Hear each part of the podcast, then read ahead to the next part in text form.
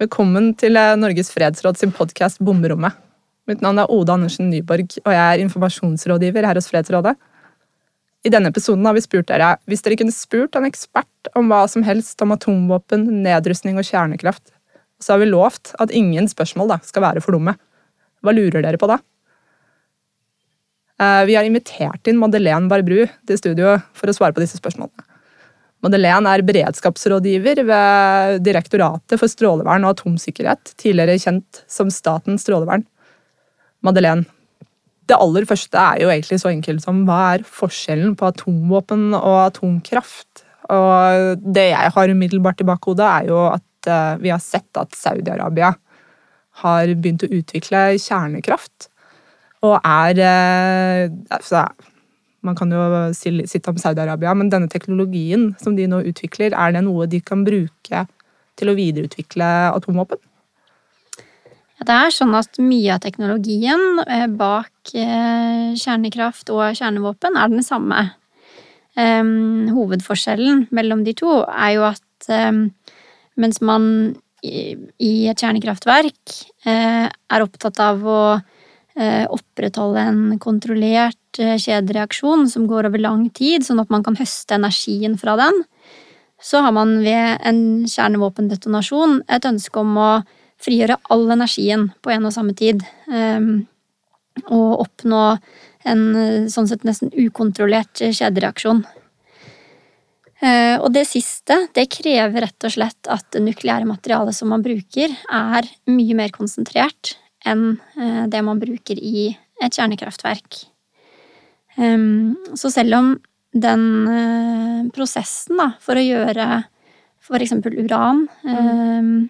som jo brukes i både kjernekraftverk og kjernevåpen, mer konsentrert, den prosessen den kan jo brukes til å eh, konsentrere det både til, til det nivået man trenger for et kraftverk, og til det nivået man trenger for bruk i våpen. Um, men det er en ganske tidkrevende prosess å drive sånn anriking av uran, da, som man kaller det. Um, så det vil si at uh, det tar mange flere år å anrike uran uh, som man kan bruke i våpen, enn i kjernekraftverk.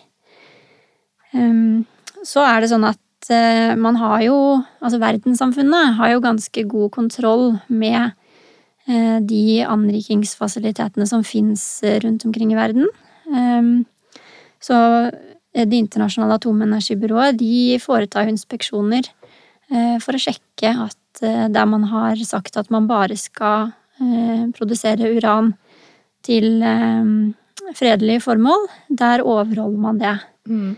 Um, så kan jeg jo nevne for eksempel den atomavtalen med Iran, Mm, ja. Den kom jo til fordi at uh, man rett og slett var redd for at uh, Iran ønska å um, anrike uranen sin ytterligere, sånn at den kunne brukes i kjernevåpen. Uh, og del av den avtalen gikk ut på at Iran uh, forplikta seg til å sende ut av landet mye av den uranen som var klar for bruk i kjernekraftverk. Ehm, og at de i stedet fikk tilbake naturlig uh, uanriket uran, for å si det sånn. Uh, som uh, det igjen ville ta de mange år å anrike til det nivået som trengs i et kraftverk. Og som nevnt enda flere år igjen til det nivået som trengs i våpen. Så på mange måter så kan man si at Irans kjerneprogram, fredelig eller ikke fredelig, ble satt tilbake eh, flere år på grunn av det. Eh, så nevner du jo Saudi-Arabia som spesifikt eksempel, mm. så jeg må jo si litt mer om det. Ehm, som sagt, teknologien den kan brukes eh, til det samme i utgangspunktet for å produsere et våpen. Men så er det jo sånn at siden prøvestansavtalen kom til på midten av 60-tallet, Nei, unnskyld, midten av 90-tallet. Ehm, så har man utviklet en veldig effektiv overvåkning eh, rundt omkring i verden. Av både lyd og eh, radioaktive stoffer eh, og seismiske bevegelser som gjør at dersom et land forsøkte å prøvesprenge et kjernevåpen, så ville man oppdage det. Mm. Og det er veldig vanskelig å utvikle kjernevåpen uten å ha mulighet til å teste våpnene. Dette nettverket er det som overvåker eh, Du vet jo at Strålevernet har jo en del målestasjoner i Norge, f.eks. Er det en del av det nettverket? Ja, eh, for å si kort om det, så har jo Strålevernet eh, det jeg sa. Vi har 33 målestasjoner som er stasjonære, som står rundt omkring i Norge. Mm. Som kan observere dersom det kommer forhøyede stråledoser. Og i tillegg til det så har vi seks luftfilterstasjoner som kan Som er enda mer nøyaktige, og som mm. kan se nøyaktig hvilke radioaktive stoffer som eventuelt forårsaker den økte strålingen. Eh, så er det NorSAR, en stiftelse, som på oppdrag da fra Utenriksdepartementet eh, forvalter den prøvestans... Eller Norges ansvar i den prøvestansavtalen eh, om å overvåke. Og de har flere ulike midler som de benytter seg av, men ett av de er en målestasjon på Svalbard som er ganske lik de luftfilterstasjonene som Strålevernet har, som jeg nevnte, de seks.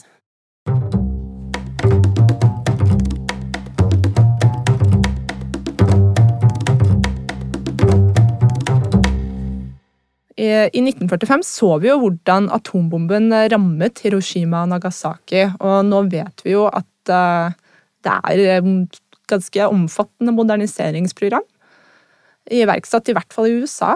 Så dette, dette innebærer også moderne atomvåpen.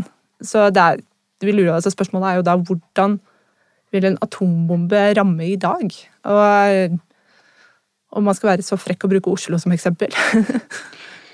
ja, eh, det stemmer jo absolutt som du sier, at våpnene har blitt mer avanserte. Um, man har både fått større våpen, um, som er litt annerledes enn de som ble sluppet over Japan, uh, med mye større sprengkraft. Men man har også fått um, skalerbare våpen. Altså man Og man har mer presise leveringssystemer nå enn man hadde da. Så det vil si at man også har eh, kjernevåpen som man kunne brukt eksempel til å eh, på veldig presist vis ta ut et mindre militært mål dersom man skulle ønske det. Um, du nevner jo Oslo som eksempel, og vi kan godt tenke oss at Eh, man eksempel hadde hatt et kjernevåpen på størrelse med de som ble sluppet over Hiroshima og Nagasaki, da, for mm. å ta det som eksempel, for det er jo noe som folk kanskje kan relatere seg til størrelsen på. Mm. Um, det har litt å si hvor våpenet detoneres, om det detoneres i lufta eller på bakken. Uh, men vi kan jo tenke oss at det detoneres i lufta. Og da um, vil man jo få uh, Altså, man vil rett og slett se veldig mange av de samme effektene som man så i Japan, eh, til tross for at våpnene nå er annerledes. Så man vil jo få på et Altså i sentrumskjernen, i hvert fall, så vil man få en intens trykkbølge, eh, en voldsom varme, eh, som gjør at både bygninger og folk egentlig mer eller mindre blir slettet med jorden. Men litt lenger unna sentrumskjernen så vil jo eh, varmen avta, eh, og man vil eh, eh bli mindre påvirket, kan man si. Eh, det er også eh, rundt 15% av en sånn kjernefysisk detonasjon er radioaktiv stråling. og noe av denne er en type veldig, veldig intens stråling som bare varer kort tid, men som gjør at folk stryker med, eller utvikler eh, akutt strålesyke hvis de er innenfor en viss radius. Ehm, mens eh, resten av det radioaktive materialet, det vil spres med lufta eh, og eventuelt forurense jord og, og kunne på en måte dekke et mye større område. Mm. Og da er det sånn at litt avhengig av vindretningen, så vil man kunne bli rammet et godt stykke utenfor sentrumskjernen. Um, men man kan samtidig se for seg at hvis man bor i Drammen eller på Lillestrøm, uh, eller enda nærmere også, eh, igjen avhengig av vindretning, eh, kommer seg innendørs og venter der et døgn, eh, i hvert fall, så har man gjort eh, mye for å sikre egen overlevelse. Eh, ja, nå har jo jo, nå har vi jo snakket litt om det, men eh, siden atombomben ble sluppet på Hiroshima og Nagasaki, har det blitt foretatt over 2000 atomprøvesprengninger. Og dette var jo da før prøvestansavtalene, som du nå har snakket om, kom tredje i kraft. Um, så spørsmålet er jo da, når vi vet at uh, atomvåpenstatene moderniserer atomvåpennasjonalene med ganske store budsjetter, hvordan tester de da atomvåpen uh, hvis de da må, skal også opprettholde de forpliktelsene de har, i, ja, har i disse avtalene? da? Ja, det er et veldig godt spørsmål. Um, for det er jo vanskelig for en stat som ikke har kjernevåpen fra før, å utvikle våpen uten å foreta prøvesprengninger. Men som du nevner, mange stater med kjernevåpennasjonal uh, har jo moderniseringsprogrammer. Mm. Um, og disse har såpass mye data fra tidligere prøvesprengninger at de kan benytte datamaskiner med enorm kapasitet. Um, sånne supercomputere. Og der har man nesten sett et slags kappløp på den teknologien også, da, for å få de beste. Um, så de bruker rett og slett de til å simulere detonasjoner med det datamateriellet de har fra tidligere. Um, I tillegg er det jo sånn at selve leveringsmidlene, missiler og annet, de kan jo testes uten å ha kjernefysiske stridshoder montert til dem. Så det er det vi har sett Nord-Korea har testa et par ganger? og... Eh, Nord-Korea er jo ikke Nei, jeg tenker missil. Ja, ja. Mm, missiler, ja. ja. ja. Supercomputer, ja. Damn it, ass. Ja. ok, så nå har du jo snakket litt om atomvåpen og hva som skjer, men uh, uh, overlever kakerlakkene i sentrum av Oslo, da?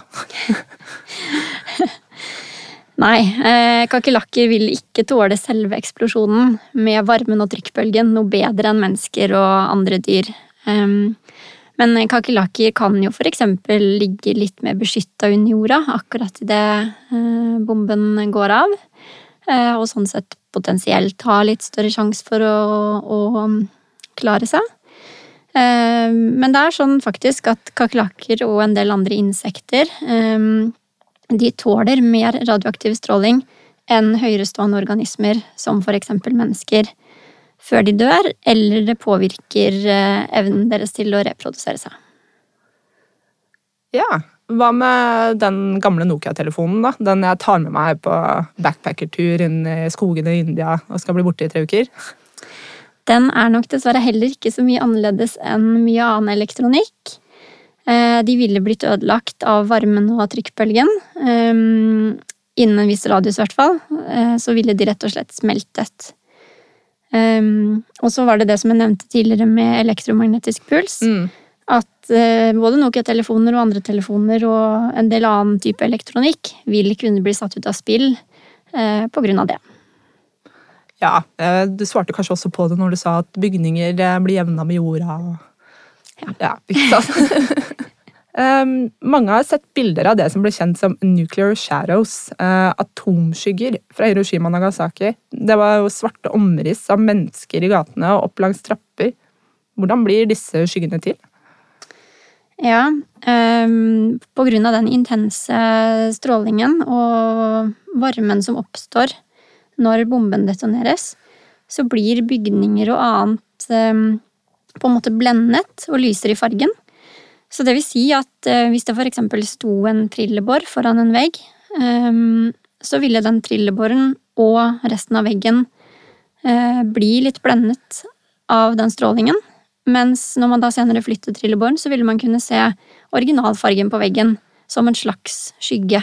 Um, som, ja, som i hvert fall kan se ut som en skygge. Ja. Mm. Så det blir som en slags fotografi? På en måte. Ja. Hvor mange atomvåpen er det egentlig i verden i dag, og hvorfor kalles noen aktive og andre ikke? Eh, det finnes ca. 14 000 kjernevåpen i verden. Eh, aktive våpen det er de som er del av den militære beholdningen til de landene som har dem. Mens eh, de inaktive våpnene, det er de våpnene som er utrangerte, men som allikevel er intakte. Ehm, så er det sånn at det er i overkant av 9000 kjernevåpen som regnes som aktive per i dag. Og av disse igjen er det en del som er utplasserte, mens andre er under vedlikehold eller ligger lagret. Um, og av de utplasserte igjen, så er det en andel som er på high alert, eller det som noen kjenner som hair trigger alert. Uh, altså at de er klare for utskytning så fort en eventuell ordre gis. Uh, og det gjelder ca. 1800 våpen. Hva er broken arrows? Ja, dette er et begrep som ofte er brukt om hendelser der kjernevåpen ved uhell har blitt skutt ut eller mistet eller ødelagt eller lignende. Eh, et eksempel på en sånn broken arrow det er da et fly med fire kjernevåpen krasjet i Sør-Spania på midten av 60-tallet. Eh, da var det to våpen som forble intakte, mens de to andre de der eksploderte den konvensjonelle sprengstoffladningen. Um, så det vil si at altså, selve kjernevåpenet detonerte ikke, men den dynamittladningen som følger med, den sprengte. Uh, og det førte da til at radioaktivt materiale ble spredt utover, og man måtte iverksette en ganske stor opprydning. Broken arrow er egentlig et sekkebegrep for eh, såkalt atomuhell. At ja. man kan eh, snakke om at det er ikke trygt, 100 trygt å anrike og ha atomvåpen og så videre og så videre? Nei, men det er jo samtidig stor forskjell på å ha anriket uran og um, Altså Eller er uh, at kjernekraftuhell, vil det også være en broken arrow, da? Nei. Nei ikke, um, ikke, sånn jeg har forstått uttrykket. Man bruker det som regel om uh, kjernevåpen. Mm. Uh, og det skal jo sies også at um, det er veldig vanskelig å få til en kjernevåpendetonasjon. Så selv om man har et kjernevåpen, ja. man har Um, ja, altså om man så demonterer det, setter det sammen igjen, om det begynner å brenne i det. Mm. Det skal veldig mye til at man ved uhell oppnår en kjernevåpendetonasjon. Men det er jo selvfølgelig også uheldig hvis det ja, tar fyr på annen måte, og radioaktive materialer sprer seg, eller det forsvinner fordi noen ikke har fulgt opp sikkerheten ordentlig, for eksempel det her, altså det her spørsmålet syns jeg er veldig interessant. Da. Men mm. hvorfor kan vi bo i Hiroshima og Nagasaki, men ikke i Tsjernobyl? Ja, det er et interessant spørsmål. Um, det ble rett og slett sluppet ut mye mer radioaktivt materiale i Tsjernobyl enn det ble um, med bombingen av Hiroshima og Nagasaki. Uh, faktisk så mye, cirka så mye som tusen ganger mer. Um, altså, en reaktor eh, som det var flere av i Tsjernobyl, de er jo ganske store. De mm. inneholder veldig mye nukleært materiale. Eh, og det er faktisk sånn at eh, det, det radioaktive brenselet som føres inn, eh, er mindre radioaktivt enn etter at det har blitt brukt. Så brukt brensel er enda mer radioaktivt. Og så var det jo sånn at i Tsjernobyl så sprengte først en reaktor, og så var det brann i flere dager som sto og slapp ut radioaktive stoffer. Så utslippene pågikk over flere dager. Um, og ved en uh, kjernevåpendetonasjon, sånn som de i Japan, uh, så er det jo veldig sånn, som jeg forklarte tidligere, uh, altså alt slippes på en måte ut på en gang. Mm. Veldig, veldig intenst. Men mye av det er ganske kortlivet. Mens ved um, en sånn type ulykke som man hadde i Tsjernobyl, så har man veldig mange langtlivede radioaktive stoffer som det tar mange, mange år å bryte ned, som eh, da ble spredt i naturen. Så det er svaret på det spørsmålet. Så har det jo, det er jo, altså Man har jo hatt uh, uhell uh, si, nyligere, men i nyere tid også, og det var jo i Fukushima. Uh, vet vi omfanget av konsekvensene av ulykken i Fukushima nå i dag? Ja, vi har, vi har ganske god oversikt over Eh, de direkte konsekvensene av det radioaktive utslippet. Mm. Det har vi. Um, så der er det jo sånn nå at det er fortsatt et område rundt eh, der kjernekraftverket er, som er eh, stengt av. Og det pågår fortsatt et ganske intensivt opprydningsarbeid i det området. Det man dog muligens ikke helt vet omfanget av ennå, det er de indirekte følgene av Fukushima-ulykken. Mm. Eh, for det første så var det jo veldig dramatisk det som skjedde med jordskjelvet og tsunamien. Det var uh, i overkant av 15 000 personer som døde, og det er en del som fortsatt er savnet. Uh, og som følge av den ulykken på Fukushima-kraftverket, så ble mange personer evakuert. Og det var sånn at det er ganske vanlig å bo i generasjonsboliger, der de eldre bor sammen med de yngre. Men de som ble evakuert, de ble evakuert i mindre leiligheter eller småhus. Og sånn sett så ble familier brutt opp. Og i tillegg eh, så var det sånn at eh, på grunn av eh, at de da mistet arbeid, og at de kanskje var i en veldig stressende situasjon, så var det en del samlivsbrudd og annet som rett og slett har ført til at man har fått både mer alkoholisme, man har fått overvekt har blitt mer utbredt, og man har sett en del livsstilssykdommer som ikke kommer av strålingsskader, men ja. som er mer indirekte følger av det stresset da, ved å bli evakuert, og den påkjenningen ved å, mm, å på en måte måtte gjennomgå dette her. Så er det jo også sånn at det har vært faktisk ganske mye stigma relatert til eh, mennesker og produkter som kommer fra Fukushima-området. Eh, og det har kanskje særlig vært unge kvinner som har blitt rammet av at um, menn har sett på dem som ufruktbare, eller tenkt at eh, de kanskje får barn med misdannelser. Um, og den type er, frykt er helt uh, ubegrunnet. Men uh, det fører selvfølgelig til uh, at det blir en vanskelig situasjon for de det gjelder. Um, så er det også sånn at matproduksjonen og fisket i regionen er igjen ganske godt opp og går. Eh, og man gjennomfører omfattende målinger av nivåen av radioaktivitet i de produktene. Og man har faktisk strengere grenseverdier for å godkjenne enn man har i veldig mange andre land, inkludert Norge, f.eks. i fisk. Ja. Eh, men likevel da, så er det ganske vanskelig å få solgt og markedsført de produktene um, rundt omkring i Japan. Har man noen oversikt over hvor hardt det japanske markedet da blitt ramma, eller? Det har jeg ikke noe tall på sånn på stående fot. Um, jeg kan ikke si det japanske markedet. Det... Fukushima særlig, da. Ja. Uh, har ikke det, altså. Ikke nei. sånn uh, Nei. Nei. Da er det kanskje mest internt i Japan, dette med håper si, litt sånn Ja, dette stigma Ja, det er mitt inntrykk, i hvert fall. Ja. Um, det er det. Eh, så har man ganske god forståelse internasjonalt for de eh, både grenseverdiene man bruker til å måle nivåer i mat og, og annet, og, eh, ja, og den informasjonen som har kommet fra Det internasjonale atomenergibyrået, eksempel, om status. Mm. Tusen takk for at du kunne komme, Madeleine.